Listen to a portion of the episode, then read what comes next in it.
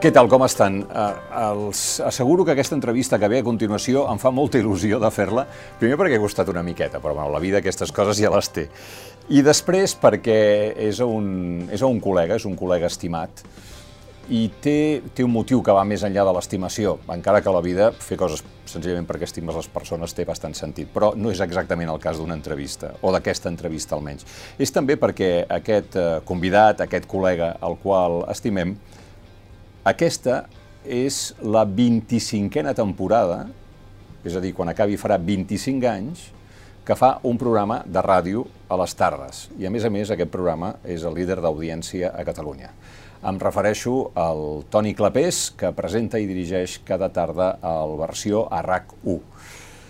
Senyor Clapés, Gràcies per convidar-me, Antoni. Un plaer. Lluat sí que Déu. Uh, abans de res, uh, disculpa'm per el retard uh, amb aquesta entrevista. Tu que ets del gremi, eh, devries tenir la sensació que anaves a entrevistar, què et diré jo? Abans es deia el papa, ara ja com que el papa també el, el papa l'entrevista més o menys tothom, ja només faltes jo? tu, eh? Doncs, sí. No sé, el, el, el taliban de torn, no? No, bueno, no. Desitjada, ara. No, Mick Jagger, que és aquesta entrevista que uh, tothom Jagger, vol fer i no es pot sí, fer. Sí, però si no vas de pressa... Aquest, aquests, va, aquests, hòstia, bueno, això... el que duia més bona vida, tu, és el primer ha palmat. Sí, sí, bueno, perquè els altres han, els, han, els, han, els han arreglat de dalt a baix, ja. no? Vull dir, els han fet un... Els han passat pels boxes home, i... Els, sí. Home, boxes. Mira, de boxes fa dir, l'altre dia com feia un comentari teu, eh, perdona que em dispari, eh? No, no. però em preguntaven de temporada a temporada, no? Eh, com, com preparaves les temporades i, de... I sempre em, sempre m'ha quedat una, una frase teva. Hosti. Sí, sí, eh, que un dia tu vas dir que les temporades d'estiu, quan fas temporada regular a la ràdio, és com una temporada, a l'estiu és, una tempor... és com una parada boxes. I la tinc molt identificada, perquè amb la parada boxes no tens temps de res. O sigui, eh, s'acaba la temporada. A la parada de boxes, entre que eh, fas reflexió del programa, eh, intentes, comences a parlar amb gent, reflexions, gent que vindrà, gent que has d'acomiadar, etc eh, etc. és un, eh, passa volant. I, I això ho aplico perquè jo durant la temporada regular ja vaig preparant la temporada següent. Perquè la, la, el que és l'estiu, com tu vas molt bé definir, és una parada de boxes. No dona temps a res. Però això fa 25 anys que ho fa.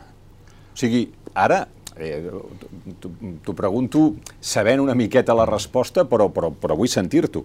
És a dir, um, això s'ha convertit en la teva vida. Tu ja no et deus... Ara et costaria organitzar-te la teva vida d'una manera diferent, que és llevar-te, mm. tens en camp una mica de temps encara al matí, però mig matí ja deus haver d'anar a la ràdio, plegues relativament tard, acabeu a les 7. A les 7, sí. A les 7, bueno, a les 7, a les, a les 7 toca la campana del, de, de, fi, de, de l'esbarjo, pots sortir, no sé si tens temps d'anar a comprar alguna cosa, el sopar un, o el que sigui, una horeta, o en el cine... Perquè a les 8 ja tanquen les botigues. A les botigues, i, i llavors, sí, sí. I, i com, com, com ha arribat això a influir la teva vida? Bueno, la meva vida és, és el versió. Uh, cada cop, a més, amb, amb això que és, és una, és, he fet, he fet la, la inversa del que en principi mm, em va ensenyar la malaltia quan vaig estar de baixa per linfoma, no? És a dir, jo vaig, quan estava de baixa deia he de treballar menys i he de disfrutar més de la vida. I ara mateix eh, he fet el, el, totalment la inversa, o sigui, faig una hora més de programa i disfruto menys de la vida. Disfruto, és a dir, treballo més que mai, o treballo en les èpoques que treballo més que mai. Per què? Perquè tot ha canviat, perquè tu ja us, bueno, en aquest cas que, que t'he d'explicar, tot ha canviat, així com abans tu arribaves a la ràdio i agafaves els diaris del dia, i recordo que hi ha reunions a Catalunya Ràdio i començàvem a buscar i mira, a la tarda farem això i te n'anaves i el diari el deixaves i anaves a dinar i tornaves, i a les... Bueno, estaves una mica pendent del telenotícies. Però, poca, però això ja va venir després. Jo recordo que primer era la tranquil·litat d'anar a dinar i tornaves i ja tenies el programa muntat amb la notícia que havies llegit al diari. Clar, ara hem entrat en una dinàmica que tu et lleves i... I a les... Però, bueno, el que ha passat a les 9 no té res a veure amb les 4 de la tarda. Exacte, exacte. Aleshores, clar, eh, ja comences el dia, jo em llevo a les 7 del matí i estic escoltant la ràdio, ja començo a mirar els digitals a veure què podem rascar. A les 10 del matí comencem la reunió de programa, que a més ara, amb això de la pandèmia, ja és... Eh, no, no és presencial, sinó que és eh, uns, cadascú a casa seva, vas veient les cases de cadascun, i ja arranca la jornada, després me'n vaig al migdia, dino com puc, eh, com puc, hi ha dies que puc dinar un plat, hi ha dies que dino un entrepà, depèn, i, i arranco a les 3, que és un horari Tremendo. I, I fins a les 7. I quan acabes a les 7 sempre ve Xenia Lobo, que és, uh, que és la meva... Bueno, o sigui, és, sense ella no hi ha programa. Xènia Lobo. Xenia Lobo. És la una teva- dona a potenciar i que... Que és una periodista que fa la una, producció. Un periodista d'una producció que és el meu pal de paller i em diu, Toni, un, uh, dos coses, que és la manera d'enganyar-me. Sempre fa això, dos coses, que són dos per sis, saps? I, i on acabes marxant a dos quarts de vuit. És a dir, que des del primera hora del matí fins al vespre 8, les 8 del vespre, doncs estàs, eh, estàs amb el programa. Això vol dir que faig més, treballo més que abans i això també em contradiu amb el que jo havia decidit fer quan estava de baixa amb l'infoma, no? Però tu gaudeixes davant del micròfon. Sí, jo gaudeixo davant del. Sí que et reconec que eh, la preparació del programa cada cop se'n fa més feixuga. És com si ara tu em dius agafa la bici i vés a... puja al Tibidabo. O sigui, això per mi cada dia és més turmalet, cada dia és més, més feixuc. Per què? Perquè estàs tip de veure les mateixes cares i d'haver de discutir les mateixes coses, i que si el procés, i que si la pandèmia, i que si els incendis forestals... Bueno, una mica em passa això, cosa que també entenc que l'equip, eh, al al final, que l'equip és un munt de persones i, i, i clar, al final les coses que veus tu no les veu la resta. Jo, per exemple, hi ha, el que dius tu, hi ha un, un grapat de, de coses ja que se'n fan, se'n fan, se'n fan feixugues. O sigui, ara, per exemple, parlar de la pandèmia, doncs, vols que t'ho digui, em fa molta mandra. O sigui, ja... I, I com que hem anat variant el que han anat dient els especialistes, clar, al final també ja fa mandra d'entrevi- d'entrevistar el especialista, perquè ara... Que, El dia que tinguem les vacunes. El dia que Ara te- tenim les Ah, vacunes. exacte. no, però... Ah, bueno, si, però rem, gent... si en remuntem a l'origen, això era un constipat, re, una mica de grip, i això no, no, no, no comportava cap perill. Bueno, si arriba a comportar perill no queda ningú. És a dir, que tot ha anat evolucionant, no? I això, bueno, res, això un refredadet, i això no tindrà... Bueno, tenies aquí a Lombardia i va arribar l'onada i, i no queda ningú. És a dir, i llavors anaves parlant amb els especialistes i al final també sempre sents els mateixos especialistes, que ja et saps una mica per on anirà, i tot és, i llavors tots es donen la raó. Si tu la síndrome del, del director de programa de ràdio que fa una pregunta o fa un gag i diu ara aquest dirà això, ara aquest dirà l'altre. Ja, ja, ja t'ho saps. Bueno, jo, per exemple, eh, l'altre dia hi havia una tertúlia de- d'especialistes amb el, mo- en aquest, a Can Basté i jo ja sabia que uns als altres espe- s'agraï, tots eh, estaven totalment d'acord uns amb els altres. O sigui, eh, tots es donaven la raó, sí, sí, el, el Bonaventura Clotet totalment d'acord amb el doctor Trilla, el doctor Trilla totalment d'acord amb la senyora Campins, totalment d'acord, tots estaven super d'acord. Després quan se separen, bueno, uns, com a la nostra professió, uns s'apunyalen amb els altres, però Ja. bueno, estava per... ja sabia jo, era, i un dia, fins i tot un dia vaig fer un gag, que tots es donaven la raó, tot és fantàstic. Ja. Vull dir que aquí l'únic que porta una mica la, la, la veu discordant és l'Oriol Mitjà, no? Que D'acord. Però- Però... fam terrible. Però tu, quan estàs davant del micròfon, diu, aleshores gaudeixes molt. Jo sí. I t'oblides de tot, dels problemes, de l'infoma... i de Gaudeixo, gaudeixo quan... No, no, Quan les coses surten bé. Exacte, és a dir, jo abans de fer el programa penso, això sí ja ho sap el meu equip, jo necessito 5 minuts estar sol abans d'entrar a l'estudi, 5 minuts, eh, jo, repassant el programa com anirà, això, això, eh, me l'endreço, i ja penso, o sigui, tinc al cap el que vull que surti d'aquell programa. Quan el programa El surt... sents, o sigui, ja- ja el sents. jo ja me l'he fet, l'entrevista, què. Llavors, si el programa ha anat com jo el tenia al cap, surto content. Si el programa no ha anat com jo el tenia al cap, no surto content, llavors començo a repassar què, no, què ha anat malament. Bueno, pot no sortir com tu pensaves, però pot haver sortit millor. però- però- Perquè de, de 3 a 7 passen coses Sí. Sí, pot i, sortir millor, i, i improviseu i us sí, divertiu. pot sortir millor o pot sortir mm, pitjor. Ja. I aleshores, si surt pitjor, mm, doncs, el, clar, necessito doncs, la, una mica la reflexió, no? Jo, jo quan t'he escoltat, Mm. eh, he, escu eh, he escoltat una, una, una petita contradicció. Tu ets un home de ràdio i a tu t'agraden les coses ben fetes. Mm. Tu t'agrada que primer es tira una sintonia, aleshores li fas un senyal al tècnic per baixar, Sí. parles, si parlo jo no parles tu, perquè llavors l'oient no entén res si parlen dues persones alhora i tal. Però en canvi el teu programa és el festival i per què està així? Perquè està concebut d'aquesta manera, no? És com obrir una caixa i surten els, els Muppets, que en dieu vosaltres, no els ninots. Sí. I allò és un festival. I és un festival on es trepitgen sintonies, la gent parla alhora, és a dir, on el desordre extraordinàriament creatiu i hilarant és l'èxit del programa. Però, És a dir, et, tu ets una persona de seny i ordenada, Sí. que a més a més eh, algú pot pensar, ah, improvisen. No, hi ha un guió, però aquest guió, per triomfar, necessita del desordre a, a l'hora de, de la posada en escena. Jo tenia un director, el primer, a vegades em repeteixo, però tenia un primer director que em deia no hi ha millor improvisació que la preparada. Que la que es prepara, Aleshores, sí. això, No, és això- això segur. Però també, deixa'm dir-te, que hi ha moments que la gent, es pensa, la gent em pregunta però això era, això era seriosament o era, o era conya? I jo hi ha Fantàstic. Moment... Quan la gent però, però hi ha moments fantàstic. que jo estic parlant seriosament i estic fotent la bronca per antena amb un actor.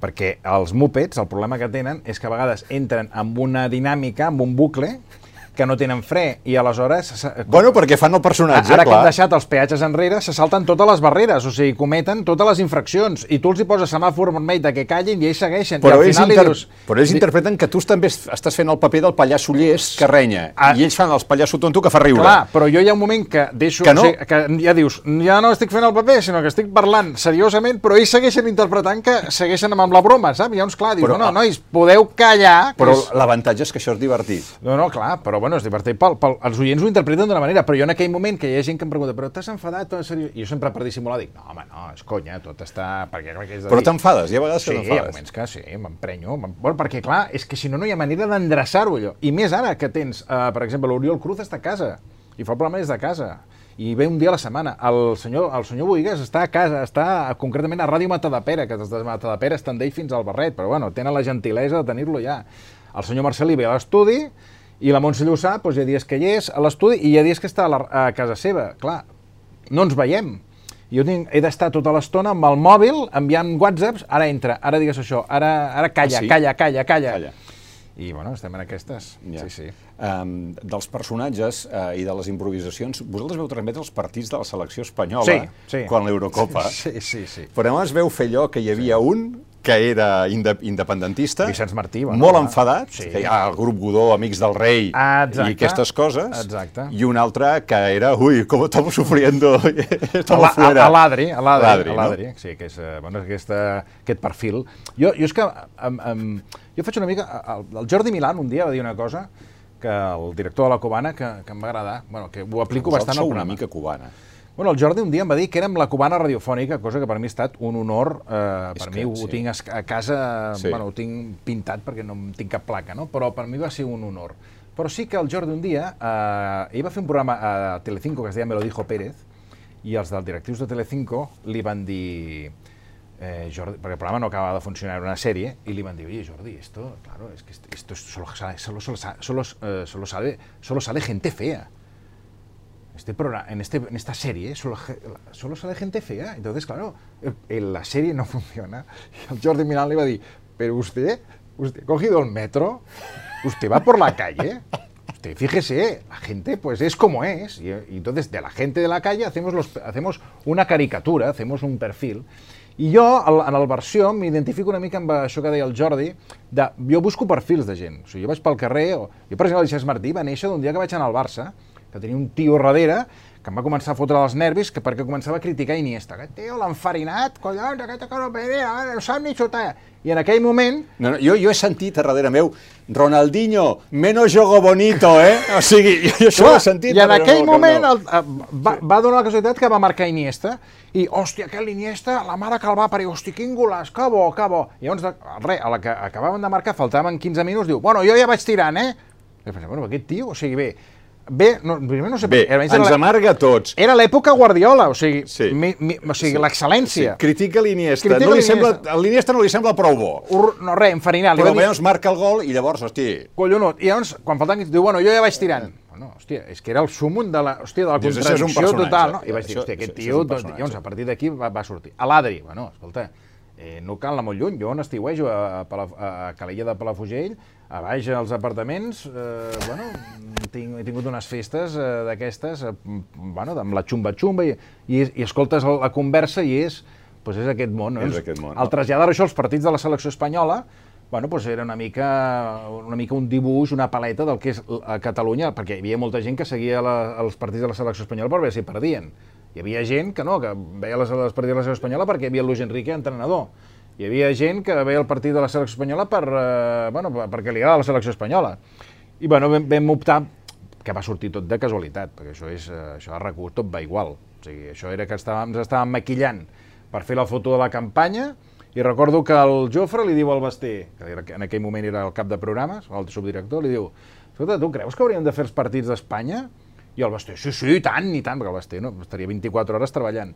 Sí, sí, i tant, i tant, bueno, això què hi puc fer? I en aquell moment jo entrava I el Bastí diu, escolta, i tu no, amb els mopeds no faria el partit de la selecció espanyola? I vaig dir, bueno, per un partit, dic, vale. I llavors em va dir Bastí, bueno, si passen a semifinals també. I vaig dir, bueno, val, dos, dos partits. I diu, si passen a la final, dic, bueno, ja en parlarem. I així ens va anar. Vull dir, yeah. tot una mica I, improvisat. i, I la Vane Cabello, que s'enamorava de tots els jugadors guapos dels Clar. equips contraris. Exacte, exacte. I dels tatuatges, I dels que és el que tatuatges. es porta ara. Sí, sí, sí. Vane Cabello també és una observació Bueno, sobre, sobre un tipus de jovent molt escàs de, de capacitat expressiva, no? que no té, no, no, no té vocabulari, que vol dir les coses i no li acaba de sortir i que naturalment... Eh, Bueno, Ca- Vane, Vane Cabello va sortir de casualitat amb un treball que feia de- d'aquests te- telefonant a, a, a molts llocs al Peyu, quan estava a la versió, i un dia, a partir d'una d'una conversa que va tenir amb una, amb una noia que es deia Vane, Uh, la, la, la Judit Martín, que és, hòstia, és una, una actriu fantàstica, tenim un talent de nassos a Catalunya. és la que fa la Lòria Reguant, per exemple, al Polònia. Exacte, eh? exacte. El Polònia s'ha s'ha erigit Sí, com sí. una peça fonamental, Sí, no? sí, la, sí, la, sí. la Judit. I li, li, la va enganxar de seguida. I llavors em va fer un senyal... dius, aquí tens... Em va fer un senyal i la va seguir imitant i, i res, va ser... A vegades els personatges surten Surten de la manera més... Ja. Saps? Uh, més a l'atzar, no, no és allò que va... Pots pensar un personatge i no funciona. Tu ara eh, et planteges quin és el propòsit del teu programa? Vull dir, semblaria eh, informar entretenint. O no? O què? Sí, sí, no, no, ho has dit perfectament. Jo, si tingués, eh, eh, si hagués de fer una definició del programa, seria una, un Catalunya, o Catalunya Informació amb entreteniment. Aquest és el plantejament d'aquesta Ah, Tu, temporada. consideres un canal 20, com les hores de la tarda de sí, notícies? Sí, sí, sí. Jo, el meu programa, jo, jo el plantejament és un, un canal d'informació amb entreteniment. Llavors, t'informes i t'entretens. Clar, això, vull dir, hosti, pa- eh, eh, això, clar, ho has d'encaixar, però aquest és el plantejament de tu una tarda que poses i, bueno, t'entretenen, però alhora et vas informant. Aquest és el plantejament d'aquest any. O sigui, el Catalunya Informació, com si tinguessis Catalunya Informació de, de, de la Corpo, Però en divertit, però diguéssim. amb entreteniment. Ja. I aquest és el plantejament, no, no, no, no és un altre. Ja. Aquest per exemple, aquest any defuig una mica de les... Eh, per, se- segons quins, quins temes fan al matí, doncs ja intento no fer-los a la tarda. Ja ho he fet sempre, però aquest any encara més, perquè clar, al final l'oient sempre és el que dèiem abans, acaba escoltant la mateixa gent, els mateixos especialistes. O sigui, si jo, per exemple, el dia que hi ha la tertúlia de quatre mm, especialistes en pandèmia, em poso un cinquè a la tarda, perquè el meu programa, jo sóc la tarda, i ara aquí vaig a marcar jo que jo tinc un especialista que aquest sí que en sap, la gent dirà, bueno, i ja en tinc prou d'especialistes. Hem parlat dels, dels Muppets, és a dir, dels personatges eh, del, del seu programa, però tu també ets un personatge. Eh, eh, O sigui, tu ets el director del programa. És, no, no exactament un Muppet. No, però tu, tu fas un paper que és una mica el del tio emprenyat, el del tio mm. una mica pessimista, de Sí. l'ampolla mig buida. Bueno, paper, a veure, O sigui, jo sóc així. Va, això és el que anava, això és Ah. el que... És dir, Val. que a mi em recorda molt al Capri, el Joan Capri. Sí. Eh, Joan Capri sortia a l'escenari i es mirava la gent així amb cara d'emprenyada i la gent es moria de riure. I els hi deia, "Xt, no rigueu tant d'hora que us ho cobraré a part, eh? coses d'aquestes, no? Uh, o li deien, com està? I malament! Malament! Estic malament! I, I la gent ja es moria de riure. Aleshores, quan tu dius, t'ho prometo, eh? Bueno, ara comences a les 3, però comences a les 4, no? Hola, bona tarda, són les 3 de la tarda, no sé què. Ja, ja, ja fas veu d'emprenyat. Està dient, hola, bona tarda, però en el fons està pensant, què collons, bona tarda, perdó, què collons, bona tarda, si estem aquí, que no sé què, amb la pandèmia, o, o és igual, el que sigui, o sigui, que, que, que el teu el, director d'aquest programa, és a dir, el, el, el periodista d'aquesta Catalunya Informació Entretinguda que tu fas a les tardes, no és el locutor correcte o el presentador de programa d'entreteniment que, re, que reparteix joc, sinó que ell mateix, jo crec que aquesta és, és part de la gràcia, um, té una actitud vital, que és una miqueta la de sospitar de tothom, de, de, de, de, de les coses que ens diuen, de les mentides que ens, que ens, que ens estan intentant fer creure, i, i va, va, va. Calla, tira i digues el que hagis de dir. Però tu dius que tu ets així. Sí, jo sóc, jo sóc així, sí, sí, sí. Bueno, és que, Però entens que això és part de l'èxit del programa? No. Jo la- l'èxit no sé quin és, eh, el, però hi ha una reflexió que tu dius, home, a la tarda és que eh, ja comences, eh, que no comences eh, No, d'un- sí, d'una sí. manera optimista, d'una manera, què et diria jo, eh, eufòrica de, No, de que eh, no. entra... Bueno, és que, és que, perdona, a les 3 de la tarda o a les 4, O sigui, tu quan, al cap de setmana o durant les vacances, jo dino a, la, a dos quarts de tres a les tres, i dino en principi un plat o dos, i després fes la migdiada. I no hi ha millor plaer que fer la migdiada després de dinar. Clar, jo ni dino ni puc fer la migdiada. Llavors, clar, dius... Eh, o sigui, no, no eh, estàs content? No, perquè jo aquella, hora, jo aquella hora estaria, pues, com he estat aquest estiu, a la meva, a la meva maca que tinc, una mena que, que té 30 anys, però m'és igual... I a la terrasseta? La terrasseta, i llavors... Mirant al mar? Mirant, bueno, ara ja no es veu res, perquè entre edificis i Vaja. arbres i això ja no es veu Però és igual, la qüestió és, eh, t'instal·les allà i, bueno, va agafant la, saps, va, va, va agafant la soneta i et reflex, ja, ja, pam, saps? I ja te'n vas a, a mitja hora, una hora, ja, m'entens? Clar, això no, no... Has de treballar. Clar, digue-li, quanta gent a les 3 de la tarda o a les 4 que han de treballar mm, estan contents? Bueno, jo crec que poca gent. Ja. Els T'ha d'il·lusionar molt la feina, molt per anar a les 3 de la tarda, com deia el Rubianes, eh? ¡Ay, voy, vamos a trabajar! Pues, eh, la gente está tan contenta, a las 7 de la mañana en el metro los ves todos, ¡vamos a trabajar! Exacte, sí, exacte. Sí, doncs a les 3 però, també pots aplicar. Però, però Toni, eh, aviam, Tu t'has llevat mai de, tu t'has llevat de matinada per anar a fer ràdio. Sí, bueno, però jo no m'he llevat als vostres horaris, al teu ja. horari, jo això, no. aquest horari continuat no l'he fet. Bueno, però evidentment llevar-se aquella hora eh, no li recomano a ningú i en el moment que et sona el despertador et sents molt desgraciat, molt, molt, molt. Però hi ha un moment, un cop has passat per la dutxa i t'has pres el primer cafè, que et comences a sentir privilegiat, perquè dius, tu, tothom, mm. o sigui, d'acord, aquí el que llepat sóc jo, perquè fixa't, no se sent res, tu, per què? Perquè tothom està clapant, excepte jo. Però accepta jo vol dir que jo sóc el que despertaré la gent i li diré a la gent el que. I això no deixa de ser un privilegi. I llavors hi ha un moment que, jo no sé, jo, jo, jo ho deia sincerament, jo deia, jo estic content de treballar per sí, vosaltres al matí. Jo ho deia això, sí, sí. jo ho deia això. Però tu estàs content de treballar per la gent, sí, no? Sí, sí. No, no, que, que sí! que jo estic content de treballar. Jo, jo estic pues, que, pues que es noti una mica. Sí, no, no, sí, sí. Però, bueno, bueno, però a les 3 no, en tot cas a dos quarts de 5. Bueno, faria més... més tard, saps? Allò ja després de la migdiada... A veure, sincerament, eh, hi ha èpoques que miro i dic, a veure, què em queda d'hipoteca? Tinc 53 anys, quan em fotran la patada, allò, la puntada de peu, a veure, això, a veure si ho podem ajustar cap als 60, a veure si ja em puc dedicar més a, més a maca i més, més, i més llegir llibres i més classes de tennis i menys ràdio, saps? Tu, tu com que ja fa aquesta és la temporada 25, jo crec que se t'ha de felicitar i se t'ha de donar no, algun premi que encara no tinguis, no, no, diguéssim. S'ha de felicitar els oients que, i, i els equips que han treballat amb mi per aguantar-me, o sigui, hi ha dos, dos, ja, després parlarem dos dels eixos. Vale, estic aquí apuntant punta, punta. temes pendents. Punta. Vale, equip, vale. No, eh, dic, com que ja fa 25 anys que fas un programa a la tarda amb molt d'èxit, ja has concedit moltes entrevistes i algunes coses ja les sabem. Per exemple, alguna mm. vegada has dit que sempre penses, quan comença la temporada, és a dir, ara, sí. que aquest serà l'últim any sí. que et fotran fora. Mm. Això encara ho penses no, aquest ara, any? ara ja no ho penso al, al començar. o sigui, no, no ho penso ara... Però tu ets un clàssic de la ràdio. Sí, bueno, tu has jo... passat a la història de la ràdio. No, això, a veure, a veure, no ens passéssim, no ens passéssim. Per, per, per plasta, sí. O sigui, per, vale, per, no, per, per, per, el tio aquest que no marxa ni mai calenta, sí. No, jo m'ho plantejo, jo ara això he canviat. O sigui, abans era a l'inici de temporada, que aquest any, per cert, he passat uns nervis terribles, terribles. El primer dia vaig, posar mala, vaig dir malament els noms a tot de gent de l'equip eh, a l'antena. A la Míriam Díaz li vaig dir Mònica, a la Mònica Folquet li vaig dir Marta, vull dir, hòstia, no vaig encertar-ne una. I això va ser producte dels nervis, em vaig, em vaig bloquejar, és una cosa que feia anys que no m'havia passat, bloquejar, vaig passar fatal. I això, què dius tu, abans em passava a l'inici de temporada i ara em passa cap al gener-febrer. El gener és quan m'agafa la crisi, gener-febrer, penso, ah, ja aquest any ja ho hem explicat tot i tal. I a mesura que és com anar, quan arribes a la, a, a, saps, a, la, a la vorera, quan ja estàs nedant i estàs arribant a, la, saps, a, sí, sí, sí. a, a la sorra, que dius, Bueno, ja que hi arribo em tornaré a tirar una altra temporada més, saps? però hi ha un període que dius, que, que és el de la pàjara, suposo, que dius d'últim any, ja. Sí, sí. I depèn de l'any que, que passis, doncs si l'any és més complicat, doncs menys ganes tens de seguir. Per exemple, l'any de la pandèmia, això de treballar... Sí, sí, això va ser... Això, eh, avui clar, encara és, eh? Un... No, no, però vull dir que, clar, que feies el programa des de casa. Sí, sí. Uh, no veies a ningú. Uh, uh, o sigui, dinaves, t'asseies a la cadira, de, com si ara tens aquí el, el menjador, seus aquí, i quan acabes te'n vas al sofà, que és allà. Això no és gens natural. Clar, jo vaig acabar fent voltes al terrat de casa, saps? Perquè pensava, no, acabaré, acabaré fatal. Tu li deus alguna cosa, allò que diguis, jo li dec tot a no sé qui.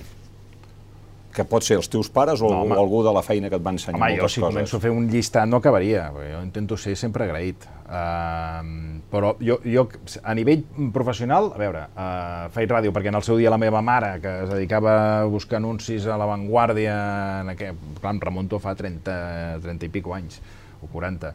El diumenge es dedicava a retallava, dia, a retallava els anuncis i els enganxava. I aleshores feia un col·leccionable d'anuncis de, de pisos i eh, ens portava... Perquè a- volíeu comprar un pis? no, no, perquè era el seu entreteniment. Ell la seva diversió, una de les coses que fèiem, era eh, anar per Barcelona a mirar pisos que evidentment no podíem pagar. Llavors ella... Els diumenges, allò- Els diumenges, sí, sí, el quedàvem amb els diumenges. A la... I un comercial us ensenyava un pis? Sí, llavors, eh, els, pa, mira, la- los tilos, pisos que valien en el seu moment, la llave de oro, no sé... O sigui, un- anàveu a Sarrià Sant Gervasi i mirar pisos? Sí, mira pisos. Llavors ma mare, estupendo, tres... I llavors la gràcia d'ella era trobar-li la pega per buscar l'excusa per no comprar-lo, atenció, la majareria. I, bueno, anàvem tota la família, i llavors, bueno, doncs un lavabo tal, i al final la gràcia era trobar, mira, el graven aquest, sempre trobava alguna pega, i deia, bueno, doncs eh, ja està, moltes gràcies, ja us diem, i llavors feia un llistat. I en aquests llistes un dia va trobar amb una emissora que buscaven algú per treballar. I com que a mi m'agradava la ràdio, em va dir, escolta, per què no truques aquí i tal? Que era una, una emissora que començava que es deia MK3, que estava a la Meridiana.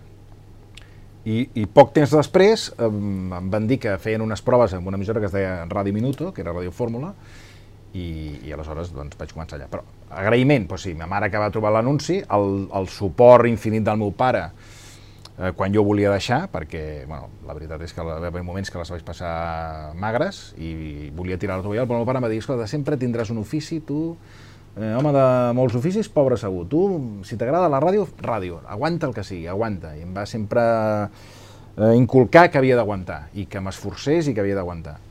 I després, el, el, el, el, després tot de gent que ha anat apostant per mi, i crec que el, el, el que és la, la, el que seria el versió, doncs hi ha dues persones a les que sempre hi estic agraït, que és el, el Jordi Català i el Joan Maria Claveguera, no? que són els que van apostar per fer el, el versió a, a Catalunya Ràdio. Perquè el que tu els hi vas vendre, eh, Jordi Català era el cap de programes de Sí. Catalunya Ràdio, Joan Maria Claveguera, el director de Catalunya Ràdio l'any 97, quan tu Exacte. fas el versió original, que es deia aleshores, a Catalunya Ràdio. d'una hora.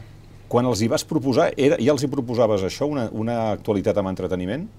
Sí, jo, jo vaig... O sigui, ells, ells em van sondejar si voldria venir a Catalunya Ràdio, que per mi era com entrar, què et diré jo, pues, eh, a Sí, la- sí, l'Apple. O sigui, ara ens posem en termes Sí, de sí. l'Apple, era, era el màxim. A Catalunya Ràdio per mi era el màxim. I jo els hi vaig proposar un programa, com tu dius. Eh, per això el programa el, o sigui, primer, eh, eh, va coincidir una proposta de, la, de Catalunya Ràdio i un programa que en aquell moment em donaven a TV3, que era l'Efectes Secundaris. Jo primer vaig proposar aquest nom a, a TV3, la versió original, però el nom de la versió original no va agradar a TV3 i el vaig encolomar a, a Catalunya Ràdio.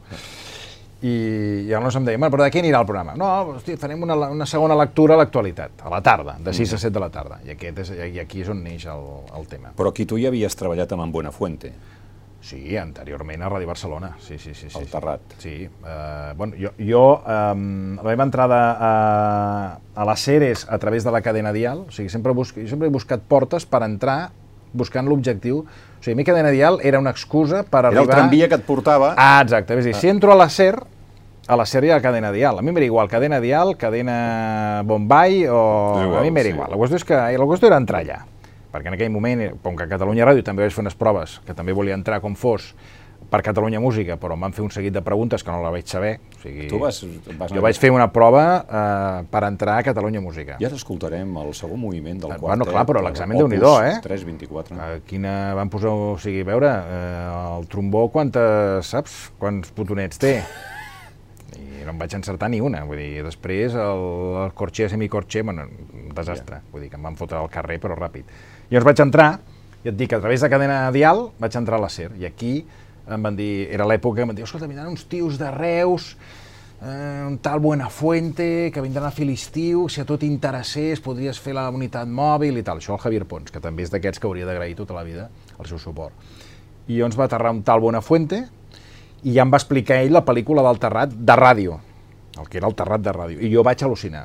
Ja, ja es veia que era un crac. I, I jo vaig dir, hòstia, això que m'estàs és que em va encantar. Una, una escala, 13 del Percebe, personatges... La, la idea original del Terrat era, era Ja, una meravella. ja. I ja em vaig emocionar, però em va dir, no ho farem aquest any, sinó que vindré l'any la temporada vinent. I llavors ja vaig dir al Pons, hombre, Javier, perquè el Pons era, era, era aragonès, hombre, Javier, me has de, hostia, me has de colocar como sea. Bueno, ya lo veremos, siempre estáis pidiendo. I quan va arribar l'Andreu em van, em van enganxar, em van... O sigui, era com diguéssim l'ambaixador de Barcelona amb l'Andreu, perquè l'Andreu venia ell, el Jaume Nolla, l'Oriol Grau, eh, venien de Reus i bueno, era la manera de conèixer una mica la ciutat. Per tant, a la versió hi ha alguna cosa de Buenafuente. Home, i tant. El versió és una barreja de molta gent que... Del Cerdà també, amb el que vas treballar a la televisió, no? El... Cròniques Marcianes. Sí. Bueno, amb el Cerdà jo el, que, eh, el, gran, o sigui, el gran aprenentatge que vaig fer el Cerdà va ser l'època que vaig estar amb ell a la Ventana. Ah, jo clar, vaig, la SER, clar. Jo vaig fer una temporada, dos temporades amb ell. Un, quan estava amb l'Andreu, que hi feia un espai, que es deia l'Azotea, però bueno, bàsicament quan jo vaig ser col·laborador d'ell una temporada, que el, el Buenafuente va deixar de fer aquell espai, el Cerdà amb el Bo Farimí, i després, eh, però bàsicament allà és on vaig aprendre el, el que és la, el que diríem els fonaments del versió. O sigui, el que és el fonament del versió, l'estructura d'un programa de ràdio ho vaig aprendre amb el, amb el, amb el Cerdà. I el que és el que és els personatges, una mica el caos, una mica això, aquest cubaneo, és, és, és de l'Andreu. És tan important a la vida tenir referents, gent que t'ensenyi. Clar, al final el Miquel Calçada un dia em deia una cosa, que és d'aquestes coses que et queden, que em va dir, bueno, tu has fet, tu has equalitzat, no? com un equalitzador, tu has anat buscant el teu estil i has anat pues, equalitzant tots els inputs que t'han anat arribant, no?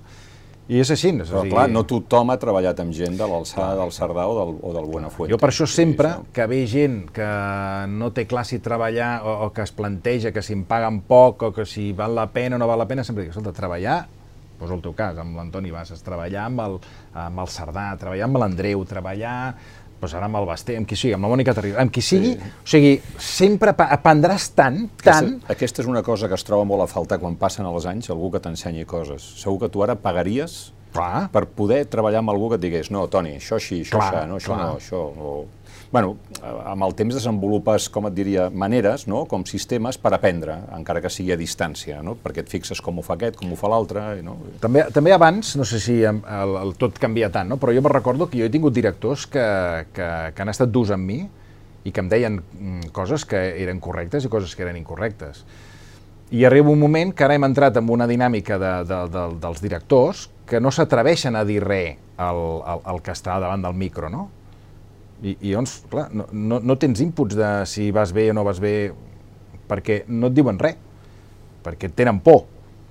I, i potser tenen por perquè un dia et veuen mm. cabrejat, però, però, però clar, s'ha perdut la correcció, no? O sigui, jo recordo a Minuto una trucada a les dues de la matinada, de, en aquell moment el que era el cap de programes, que deia Raúl Marchani, em va dir, que era xilè, em va trucar i em va dir, oye, i el primer que em va dir, la una. Jo vaig dir, la una de què? Jo dic, però què una? I em va dir, la una. Però només em deia això, deia, bueno, és que... I diu, no són la una, és la una. Fixa't, quina I, cosa més senzilla, no? Però al mateix temps... Hòstia, doncs des de llavors mai més he dit són la una, perquè era un vici. O, per exemple, la cantarella, això que a vegades sentim, que uh, a mi em posa uh, dels nervis. Uh, la cantarella. El, el Raül Marchant em va trucar, em va cridar al despatx i em va dir, siéntate, siéntate. I va començar a posar cintes meves es que cantas, te pasas el día cantando. Habla, no cantes. I, hòstia, clar, un, va agafar el, el cap de programes i em va posar les cintes, em vaig haver d'empassar, de, bueno. saps? És a dir, això no... Que jo també, a, a vegades pots sí, sí. puc estar d'acord o no, però... Ara la, la cantarella consisteix, per culpa del teleprompter, on la gent llegeix seguit, seguit, seguit, a que no es fan ni punts ni comes, es diu tot, tot, tot seguit... Tot, tot cantat. Tot cantat sense cap mena sí, sí, d'intenció, sí, sí, no? Aquestes sí. coses passen. Um, L'altre dia eh, veia, esclar, tots tenim com una personalitat a les xarxes, els que tenen xarxes socials. La teva personalitat a Twitter en els últims temps s'ha radicalitzat una miqueta. Mm. Fots uns mocs tremendos. Una, a, algú li vas dir... Eh, que va dir, diu, no, no, no, no penso escoltar el programa, te, diu, com si vols passar el dia menjant-te les ungles amb uns taps a les orelles, santa llibertat. A un altre li vas dir, no he entès res d'aquest tuit. I, bueno, saps, o sigui, això és que t'has fet gran, eh, o ha estat la malaltia, o què és això? No, això, a veure, no, la malaltia aquí no, no, no hi té res a veure. Aquí, aquí és que al, fin, al, al mitjà, jo li, al, al, tuit, al Twitter li he perdut por. O sigui, jo recordo que abans, això és com tot, o sigui, això és com, com, com a la ràdio, no? Uh, Catalunya Ràdio. Arriba a Elisabet Espuny. Hòstia, ens m'acaba de trucar una senyora que es queixa que tal. Hòstia, jo ja, hòstia, a veure, intentem que no d'això. Després, quan van, quan van començar a arribar els e-mails, no? Hòstia, avui, tens dos e-mails? Tens tres, exacte. Tens sí. de... Que no ha agradat gens el comentari hòstia, que has fet doncs dels jo a casa, hòstia, hòstia, doncs, i recordo que un dia el Pamis em va veure desmuntat, desmuntat, però no sé què havíem fet, i també han arribat 15 e-mails posant... Hòstia, doncs. I el Sergi em va dir, a veure, Toni, un moment, tu quants oients tens? I jo vaig dir, bueno, doncs no sé, aquella època tenia 100.000 o... I diu, bueno, tu, quants e-mails has rebut? 15. Doncs pues 15, 20. Bueno, doncs pues, escolta, la resta d'oients que, que han escoltat no han dit res, ni t'han enviat res, ni res, ni res, tu fes la teva. I llavors em, em va ajudar a treure'm aquesta pressió. Després vam passar el, els missatges eh, de, de Facebook. Després del Facebook vam passar als Twitter, i el Twitter ja és sagnant. I ara, ha arribat un punt que eh, jo sempre, mai insulto, mai falto el respecte, però sí que ha arribat, crec que, bueno, eh, ha arribat un moment que jo pues escolta, m'he deixat anar, tu, i, i contesto, i, i quan no estic d'acord amb una cosa, perquè eh, estic cansat de que tot el dia t'estiguin... O sigui, això és, és en el moment en el que estem socialment, no? O sigui, no pots dir res per, pel respecte, no puc dir res. És a dir, a mi em passa un tio amb, la, amb el patinet i em trepitja el dit de l'ull de poll, no puc dir res perquè, hòstia, clar, primer que m'engegarà la merda, però a part, clar, segons ell és la seva llibertat de poder anar per la vorera i passar-me amb el patinet per sobre. O després, per, o, o, o tu, per exemple, ves una persona que surt d'una escala, que això és habitual, i llencen la, la bossa a les escombraries, no puc dir res, perquè, clar, a veure què em dirà, i és la seva llibertat la de llançar les escombraries. Què passa a Twitter? Que ha arribat un punt que la gent també permanentment diu el primer que se li passa pel cap, sense cap mena d'argument, i dient unes bestieses de, de nassos. Llavors un em diu que no m'escolta. És que, mi, és que què t'obligo jo a escoltar-te? O sigui, què, què t'obligo jo que m'escoltis? No, doncs fes el que vulguis. Com si vols anar a tallar-te les ungles, si vols pintar... És que a mi què m'expliques? O sigui, no, la, més... la reflexió és, a mi què m'importa si vols escoltar-me o no vols escoltar? Fes el que vulguis, la vida, hosti, si la vida és meravellosa, pots fer el que et doni la gana, pots tirar, pots anar a nedar, pots anar a fer excursions, pots fer puenting, pots fer el que et doni la gana, com si vols quedar a casa, pues, no sé, el que et deia, fent sí, un tatuatge. I a més, alguns ho diuen des de l'anonimat. Oh, no, tenen un compte de ah, gat salvatge. Ah, exacte, no aquesta és l'altra, que aquí tothom de, de, darrere l'anonimat van dient i a més s'hi posen i tal. I ha arribat un punt, a més, aquesta, això és per una banda, però per una altra, jo aquest estiu, clar, no he viatjat, no, no, no hem sortit, no? estem amb, amb la pandèmia, estàvem atrinxerats a l'apartament. Llavors, clar, jo després de dinar, abans de la, de la migdiada, necessitava agafar son. Llavors agafava el Twitter i ho he utilitzat com un exercici eh, d'aquests sí, per, per, per, eh, per agilitzar el cervell. Hi ha gent que fa sudokus, hi ha gent que fa jo, eh, jocs de eh, jocs de, de, de lletres, gent que fa doncs, sí, sí, sí, mots sí, encreuats, encreuats sí, sí. doncs per mi era un mot encreuat, és a dir, què li contesto a aquest home sense faltar el respecte, però amb un punt de sàtira, amb un punt de conya. I això és el que he fet, ja està. Perquè si tu busques tot el timeline, jo no falto mai el respecte, ara. M'agrada aquest punt de, de, bueno, de, de, de contestar coses eh, dins la correcció, però, però bueno, buscant una mica l'al·licient, i si no, genera una mica de polèmica, doncs ja m'està bé. Escolta. No, jo et deia això de l'edat i de la malaltia, perquè sí. la Sílvia Soler, que té una sí. edat més o menys com la teva, sí, com sí. la nostra, i que també ha mm. passat per un càncer, uh, aquesta setmana Lara va dir dues coses que vaig pensar, mira, això li comentaràs en, en Clapés mm. quan vinguis. Sí. Diu, a mesura que ens, hem fet, que ens hem anat fent grans, ens hem tret de sobre les coses superflues i ens hem quedat amb les importants. Mm. Fer-se gran. Sí. Això, això ja ho té. Sí, sí, que no, no, no, no cal que ho vegis, ja, ja, bueno, no, cal, no, vull dir, ja es veu. I després parlava de, de malaltia i de reconciliar-se amb la vida i deia, reconciliar-se amb la vida vol dir alliberar-se dels prejudicis que un té mm -hmm. i del que pensin els altres, que és això que m'estaves explicant. Jo estic molt d'acord amb... Jo vaig llegir l'entrevista a la Sílvia i vaig pensar, mira, totalment d'acord. El que et deia, aquest silenci, no? O sigui, el silenci de... Veies un tuit i a mi em generava... Hosti, inclús la Marta, la meva dona, em deia, però és que quina, em deia, hosti, quina mania tens a fotre't, no et demanen, no facis tuits, no diguis res, no. I llavors, hi ha un moment que dius, escolta, eh, malauradament aquesta malaltia, el càncer, eh, això que es diu, està curat del càncer. Bueno, està curat, està curat. Pot ser, pot tocar la sort, pots tenir la sort que estiguis curat, que, no, que el càncer no hi torni, però bueno, eh, ja t'ho diuen els metges, això pot ser que un dia tornem, tornem a la guerra, eh? pot ser. Hi ha gent que bueno, té la sort de que té càncers que es queden solventats i altres que surten. I doncs això et fa canviar el paràmetre de dir, aquí no saps mai, perquè això no hi, pen, no hi penses mai. O sigui, hi ha un dia que a mi m'ha passat, i a la Sílvia i tot, tota la gent que... Hi ha un dia que de cop i volta et canvia, o sigui, et canvia el, el, el, el, el, el, el, el dibuix 180 graus. O sigui, tu et lleves... Jo me'n recordo el dia que em van dir, em van diagnosticar que tenia un càncer, que és que jo vaig anar a la ràdio i jo tenia una hora, tenia hora amb, el, amb, amb un metge internista, que més, per cert, es deia Bosch, doctor Bosch, com el Xavi Bosch. Vull dir, pensa, mira, igual.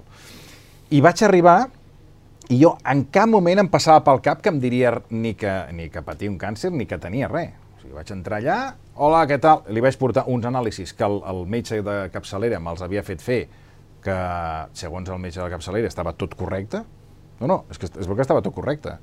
I jo vaig anar i vaig pensar, bé, això, doncs, dona'm, perquè tenia un bulto aquí a la xella, i li vaig dir, bueno, aquest em donarà, pues, no sé, una pomada, o... Bueno. L'estrany era que el de capçalera ja m'hagués encolomat l'internista, ah, però, però bueno, Clar. però jo vaig anar amb tota la d'això. Què va passar? Que uh, l'examen va ser tres preguntes, tres, o sigui, va ser, tens sudoracions, eh, t'has aprimat, Uh, i has perdut pes, les tres, mira, les tinc gravades. Sí, sí. Segui la camilla, treguis el polo, va tocar... Molt bé, ja ho tenim, tens un linfoma. Aquesta va ser la conversa.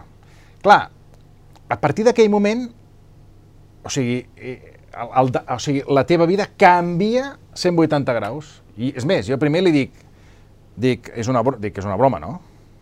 Dir, que, que estem de conya. I clar, com que vaig veure que el tio de bromes poques, va dir, no, no, tens un linfoma. La bona notícia, va dir, la mala notícia que tens un linfoma. La bona notícia és que el 90% es curen. Ja et pots vestir.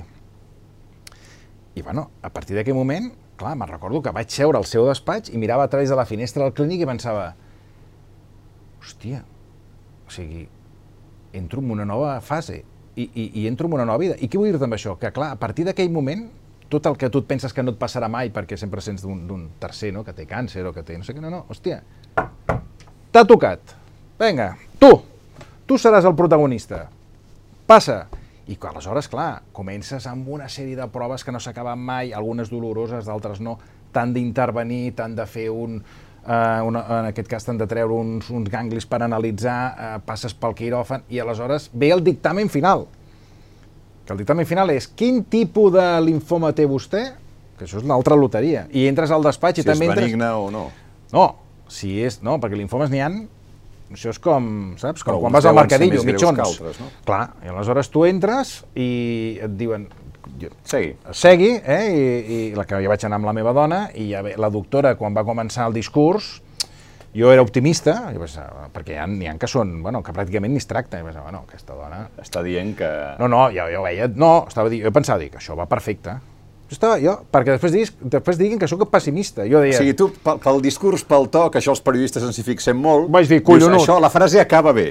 Això acaba de nassos. A, a de I la Marta, la meva dona, que, per, hòstia, que, que per això és més llesta que jo, i, i vamos, i, i m'aguanta, ja, ella posterior em va dir, jo ja veia que jo anava pel pedregar, jo ho veia. Dic, Perquè com va acabar la frase? La frase va ser que tens un tipus de linfoma que hem de tractar amb quimioteràpia, no podràs treballar i anem, anem a pel linfoma i haurem de fer un seguiment d'aquest linfoma, que és un linfoma complicat. I clar, o sigui, a sobre, doble ració. Primer el diagnòstic, després eh, les operacions, les proves que no s'acaben mai.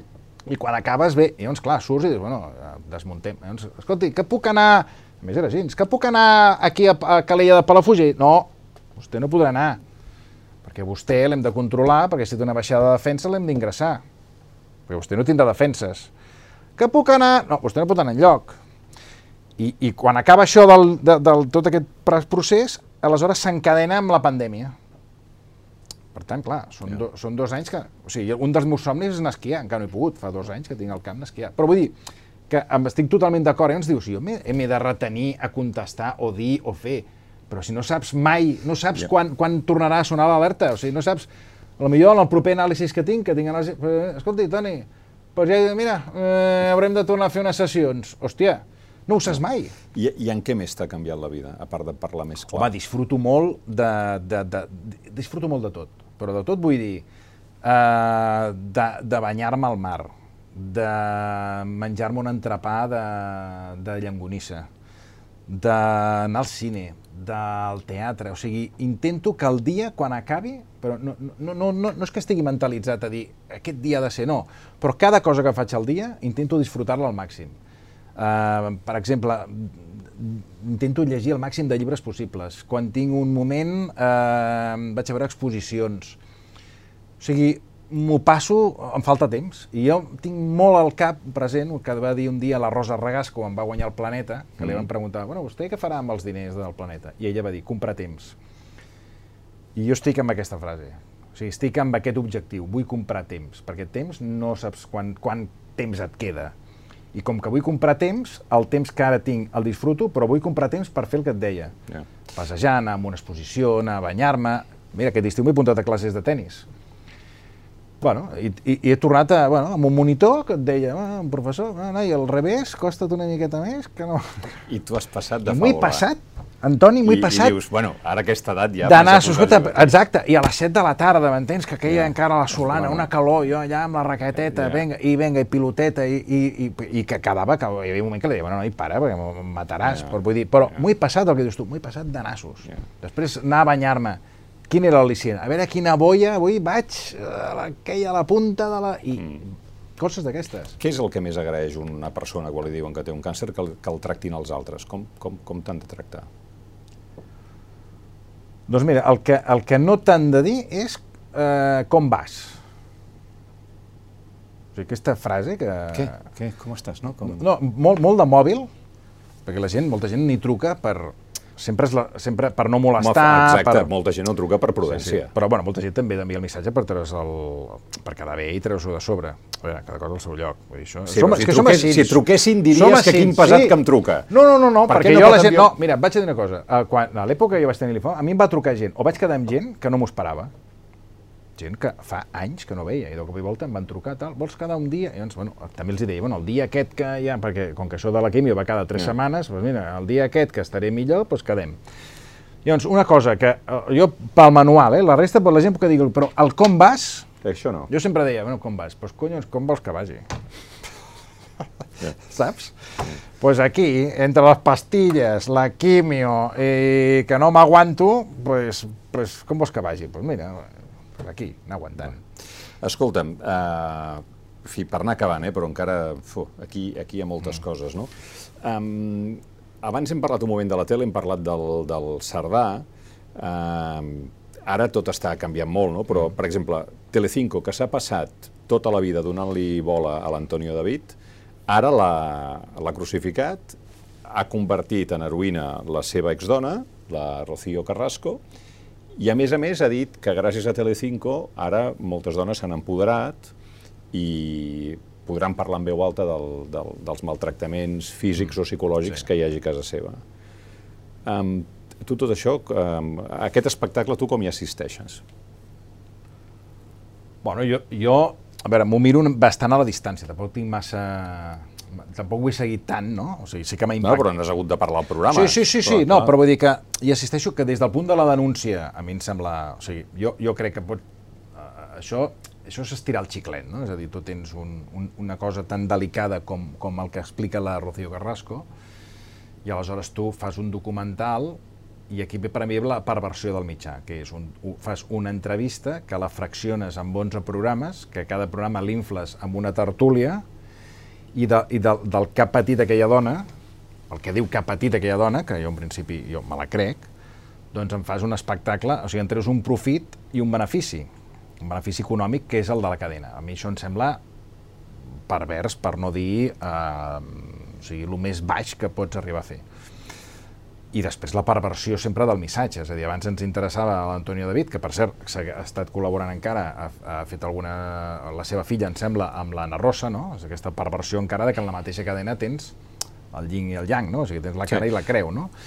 I, i bueno, és el que et deia, o sigui, és, és d'un fet d'un fet que per mi eh, en fi, és, és, és gravíssim, em fas un espectacle, no? en treus un rèdit, en treus un profit. No, ho dic perquè aquests programes operen sobre el conjunt de la societat amb molt èxit d'audiència mm. i tu també operes sobre el conjunt de la societat. I no, no sé si tot això eh, ens fa mal com a societat, ens estova, obre la porta a populismes, bueno, totes aquestes coses.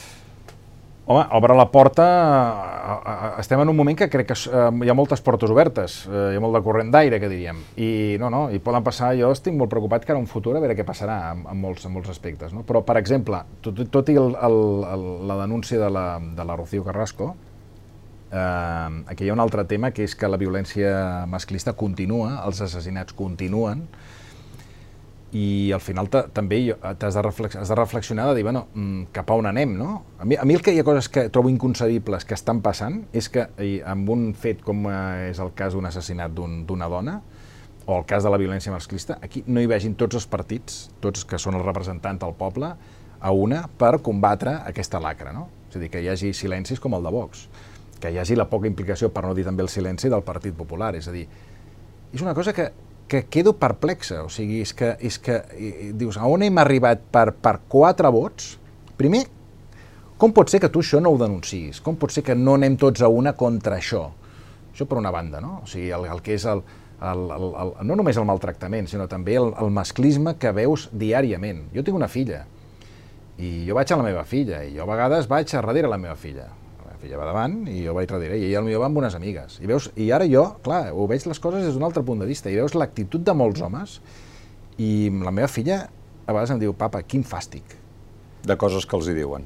Quin fàstic. Sí, això també no? m'ho diuen a casa, sí. I, I clar, la societat això s'ho mira, i veus hi ha partits d'esquerra que intenten, saps, volen, però també tens la sensació que volen i no poden, o, o no acaben de, de i després veus la dreta que s'ho mira i no passa res. I dius, bueno, però vostès no tenen filles, vostès no tenen dones, vostès no es veuen implicats en tot no, No han vist aquest, aquest, se suposa, aquest home que ha matat el seu fill per fer mal a la dona? Per exemple, tu has, tu has vist algun posicionament de partits com Vox, PP, que, és que, de sortida, i escolta, vamos al Congreso de los Diputados i vamos a hacer una ley o vamos a bueno, hacer... Bueno, la, la dreta s'ha desacomplexat, això és evident. Bueno, però clar, I, és... i, i, i, i, a més a més, clar, si ja venim de Berlusconi i sí, ve sí, el sí. Trump i bueno, ja anem, ja anem, ja anem Val, soltos. Doncs anem, el que et deia, I, que anem amb, una, amb molta corrent d'aire per prendre mal. I l'esquerra potser és més víctima de lo políticament correcte. Exacte. No? Ah, exacte. Vol, saps? És, és, és com el, el preu de la llum. Bueno, el preu de la llum, eh, l'esquerra vol, però dol. Eh? Eh, sí. Que això passa tota la vida. L'altre dia un tuit del, ara que parlàvem de tuits del Josep Martí Gómez, del periodista, que, que feia un tuit que deia jo, durant tota la meva carrera professional, sempre he sentit els governs que volen prendre mesures per controlar el preu de la llum, diu, i mai han acabat prenent cap mesura. I estem en aquestes, o sigui, molt govern d'esquerres, molt, però bueno, al final, és Felipe González, quan arriba, quan arriba al poder Felipe González, dos coses del seu programa electoral, que no, no les fa, nacionalitzaré la banca i nacionalitzaré les elèctriques. Ni va nacionalitzar la banca ni les elèctriques. I, i OTAN no, bases fuera, cony, i va i fa una campanya perquè vota sí, OTAN sí. O sigui, és o sigui, hi havia l'acudit hi havia l'acudit que deia, diu, i a més va, va prometre que crearia 800.000 puestos de trabajo. Diu, no, jo dije de 800 a 1.000. Ah, exacte. no, doncs clar, és que, és que és això. Ja. Això és l'esquerra. Ja. Tu vius a Barcelona i a, també llegeixo bastant desesperat amb l'estat de la ciutat. Sí. Sí, perquè jo, jo tota la vida he viscut, tot, jo sóc barceloní de l'Eixample, he viscut tota la vida a l'Eixample i jo m'estimo, jo, jo m'estimo molt la ciutat. M'agrada molt Barcelona, m'agrada molt. I crec que té un potencial brutal i, i, i hem perdut, hem perdut, eh, hem perdut eh, creativitat, hem perdut, hem perdut imaginació, hem perdut idees, hem perdut il·lusió. No tenim il·lusió, no tenim idees, no, no tenim deixadesa, tenim una ciutat que s'ha convertit, amb tots els respectes, en un, en un resort. Barcelona, és resort Barcelona. La gent ve aquí amb un pacte, els hi, els hi ofereixen als turistes 3-4 dies, eh, amb apartaments, d'aquests que teòricament aquestes empreses que gràcies a ells la teva àvia pot tenir un sou, no? Economia col·laborativa. Economia diuen. col·laborativa, aquesta gent ve aquí, el tants els hi en fot eh, la ciutat, el que han de fer o no el que han de fer, venen a passar-s'ho bé, els és igual la convivència, van al súper, d'aquests 35.000 súpers que hi ha, que no sé com subsisteixen, altre dels misteris d'aquesta ciutat, aquests súpers, això sí, en català, supermercat, després no t'entenen de res, ni saben res de català, ni, però bé, en català, eh, compren en aquest súper el, el, pa, el pa de motlla, compren ampolla de llet, un suc de taronja i amb això s'estan la setmana. Tot el dia participen en, en botellón, amb embotellots, festa, i, això és, i aquesta és la definició de Barcelona. I clar, eh, realment, o sigui, no hi ha cura, mm, o sigui, no, no hi ha cura pel vianant, no, no està ben pensat el model de ciutat, no hi ha una il·lusió, no hi ha, no hi ha res, tot és improvisació. Aquesta és la meva, la meva sensació. A part, eh, un grapat de coses que no s'entenen. O sigui, jo, eh, jo quan vaig pel carrer, o sigui, aquests carrils, per exemple, que s'han inventat de doble circulació, o sigui, hi ha el carril, per exemple, no sé quin diria que és el carrer Provença, d'una direcció. Però després has d'anar en compte perquè tens carril de doble direcció de patinets que van a 30-40 per hora, més les bicicletes que poden anar a 40-50. Aquí va, un dels casos va ser la Muriel Casals. I això no s'ha fet res. No ha passat res, ningú ha pres una reflexió de dir, no, a part de Muriel Casals, quants accidents hi ha hagut a Barcelona en els últims, que eh, vam donar fa poc les dades, s'han incrementat una barbaritat. Cada dia hi ha accidents a Barcelona, cada dia també, val, per la imprudència dels que, dels que, del, del, del, dels que van bueno, amb aquest transport. Amb, amb la diferència que un accident provocat per un cotxe o per una moto normalment el paga l'assegurança, o sigui, li paga la Seguretat bueno. Social o el Servei Català de la Salut, li paga l'asseguradora del cotxe o la moto però una bicicleta o una, un patinet que no estan assegurats el paguem tu i jo. Clar, però és que aquí el tema és que eh, és el que dic jo del bonisme. O sigui, el bonisme és tot és bon rotllo, eh, col·lega, hòstia, ens hem topat, ja t'ho pagaré... Ja... Això em va passar a mi una vegada que vaig tenir un, un accident, amb, amb, amb, un accident amb una creuilla, i va sortir un individu, eh, molt bon rotllo, tal, hòstia, com que tenim pressa, tal, et, fa, et deixen fer la foto a la matrícula, ja, eh, ja ens truquem i estem i tal. Tot que el tio no tenia ni assegurança. Jo, com un imbècil, bueno, jo pagant la meva. Però vull dir, Escolta, si tots, o sigui, aquí hi ha uns drets i uns deures, i els deures de la gent que té, això que el que diré no agradarà, però a mi m'és igual, o sigui, jo me'n recordo quan jo tenia bicicleta a Castelldefels, quan jo era petit, a l'Ajuntament et, et feia anar amb matrícula, i tu l'enganxaves al seient i anaves amb la matrícula de l'Ajuntament de Castelldefels. Escolta, s'ha de fiscalitzar, o sigui, hem de fiscalitzar i hem de saber quantes bicicletes hi han. Això per una banda. Quina responsabilitat té una persona que va en bicicleta i atropella amb una altra? Quina responsabilitat tenen els dels patinets? Els dels patinets haurien d'estar... Escolta, són, són vehicles que van a 30 i 40 per hora. Mm. Per què una moto ha de tenir una assegurança obligatòria, un casco, i en aquest cas els dels patinets, no, el, pel que fa a l'assegurança, no tenen cap responsabilitat? Perquè et foten l'hòstia i se'n van. Que això ho he vist. Eh? Ma mare va anar a terra per culpa d'un tio amb un patinet. Sí? I, bueno, i va marxar, i va quedar a terra, i bueno, sort que hi ha gent, mira, va anar-lo a buscar, però el tio va marxar. És a dir, clar, o sigui, és una mica la ciutat de la selva. Llavors, clar, això què passa? Quan tu... De, la, o sigui, no hi ha cosa pitjor que una ciutat, o és igual, qualsevol cosa desendreçada.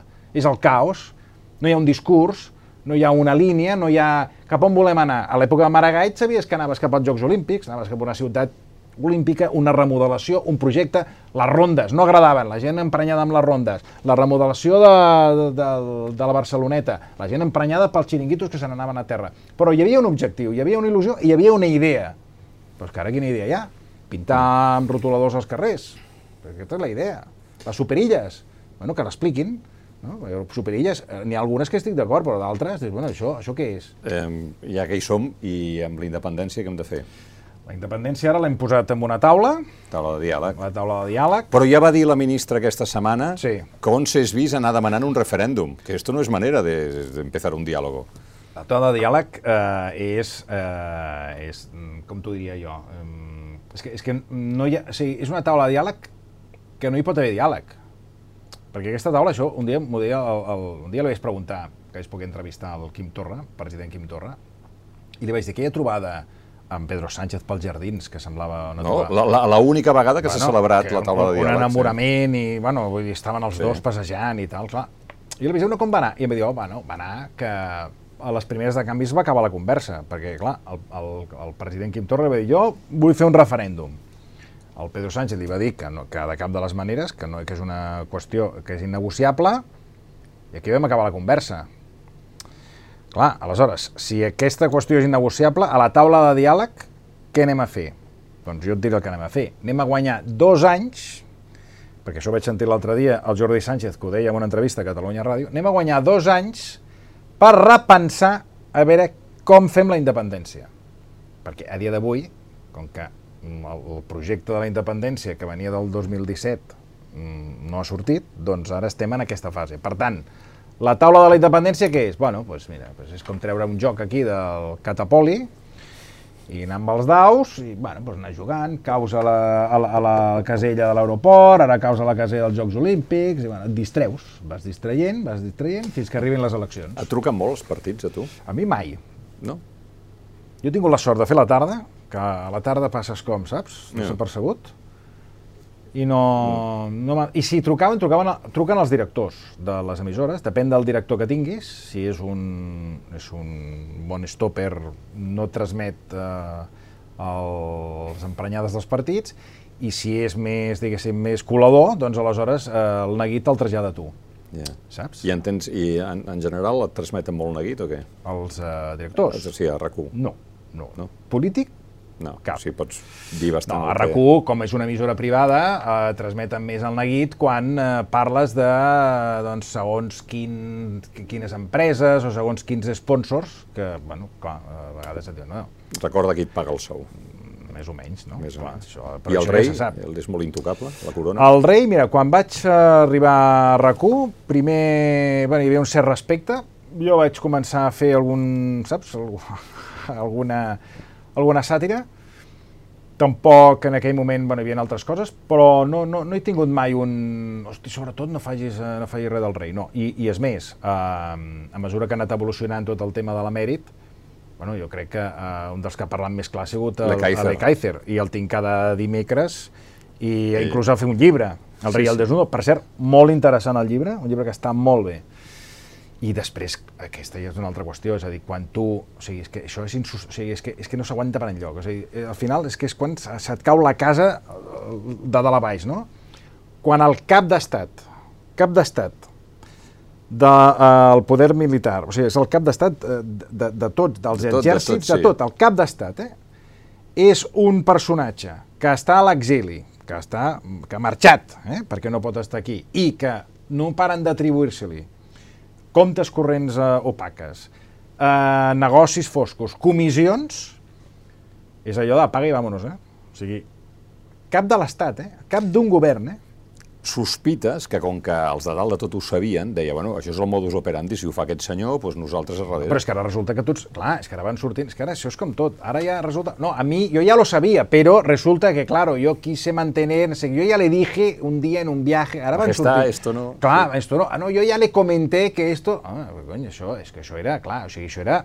Era, era el que dius tu, el modus operandi. El modus I que ho operandi. copiaven els altres. Sí, sí, sí. Eh, esto abre una cuenta... Bueno, no, esclar, ell obria la porta per fer negocis i llavors, doncs, Bueno, el cas Urdangarín era claríssim, no? Clar, això va dir el Jaume Mates eh, en declaració en aquest que és un dia en una entrevista a l'Evola, després ho va fer a nivell, a nivell judicial. Ell va dir, a mi, claro, si me llama el rey y me dice, dale a mi yerno tal, di, clar, diu, és que me llama el rei. O sigui, el rei preparava el terreny, li feia el passe i anava a Urdangarín a rematar. I només és aquest cas que sabem. Perquè, clar, després de lo que sabem de, de la- de l'AVE, de Corina, lo de Corina és al·lucinant. O sigui que a la Moncloa, perdó, a la Zarzuela, agafin un edifici que el tenia mig abandonat, el, el fagin nou de dalt a baix, perquè vagi a Pagant viure... jo, eh? Home, clar. pagant tu jo. Perquè hi vagi a viure la...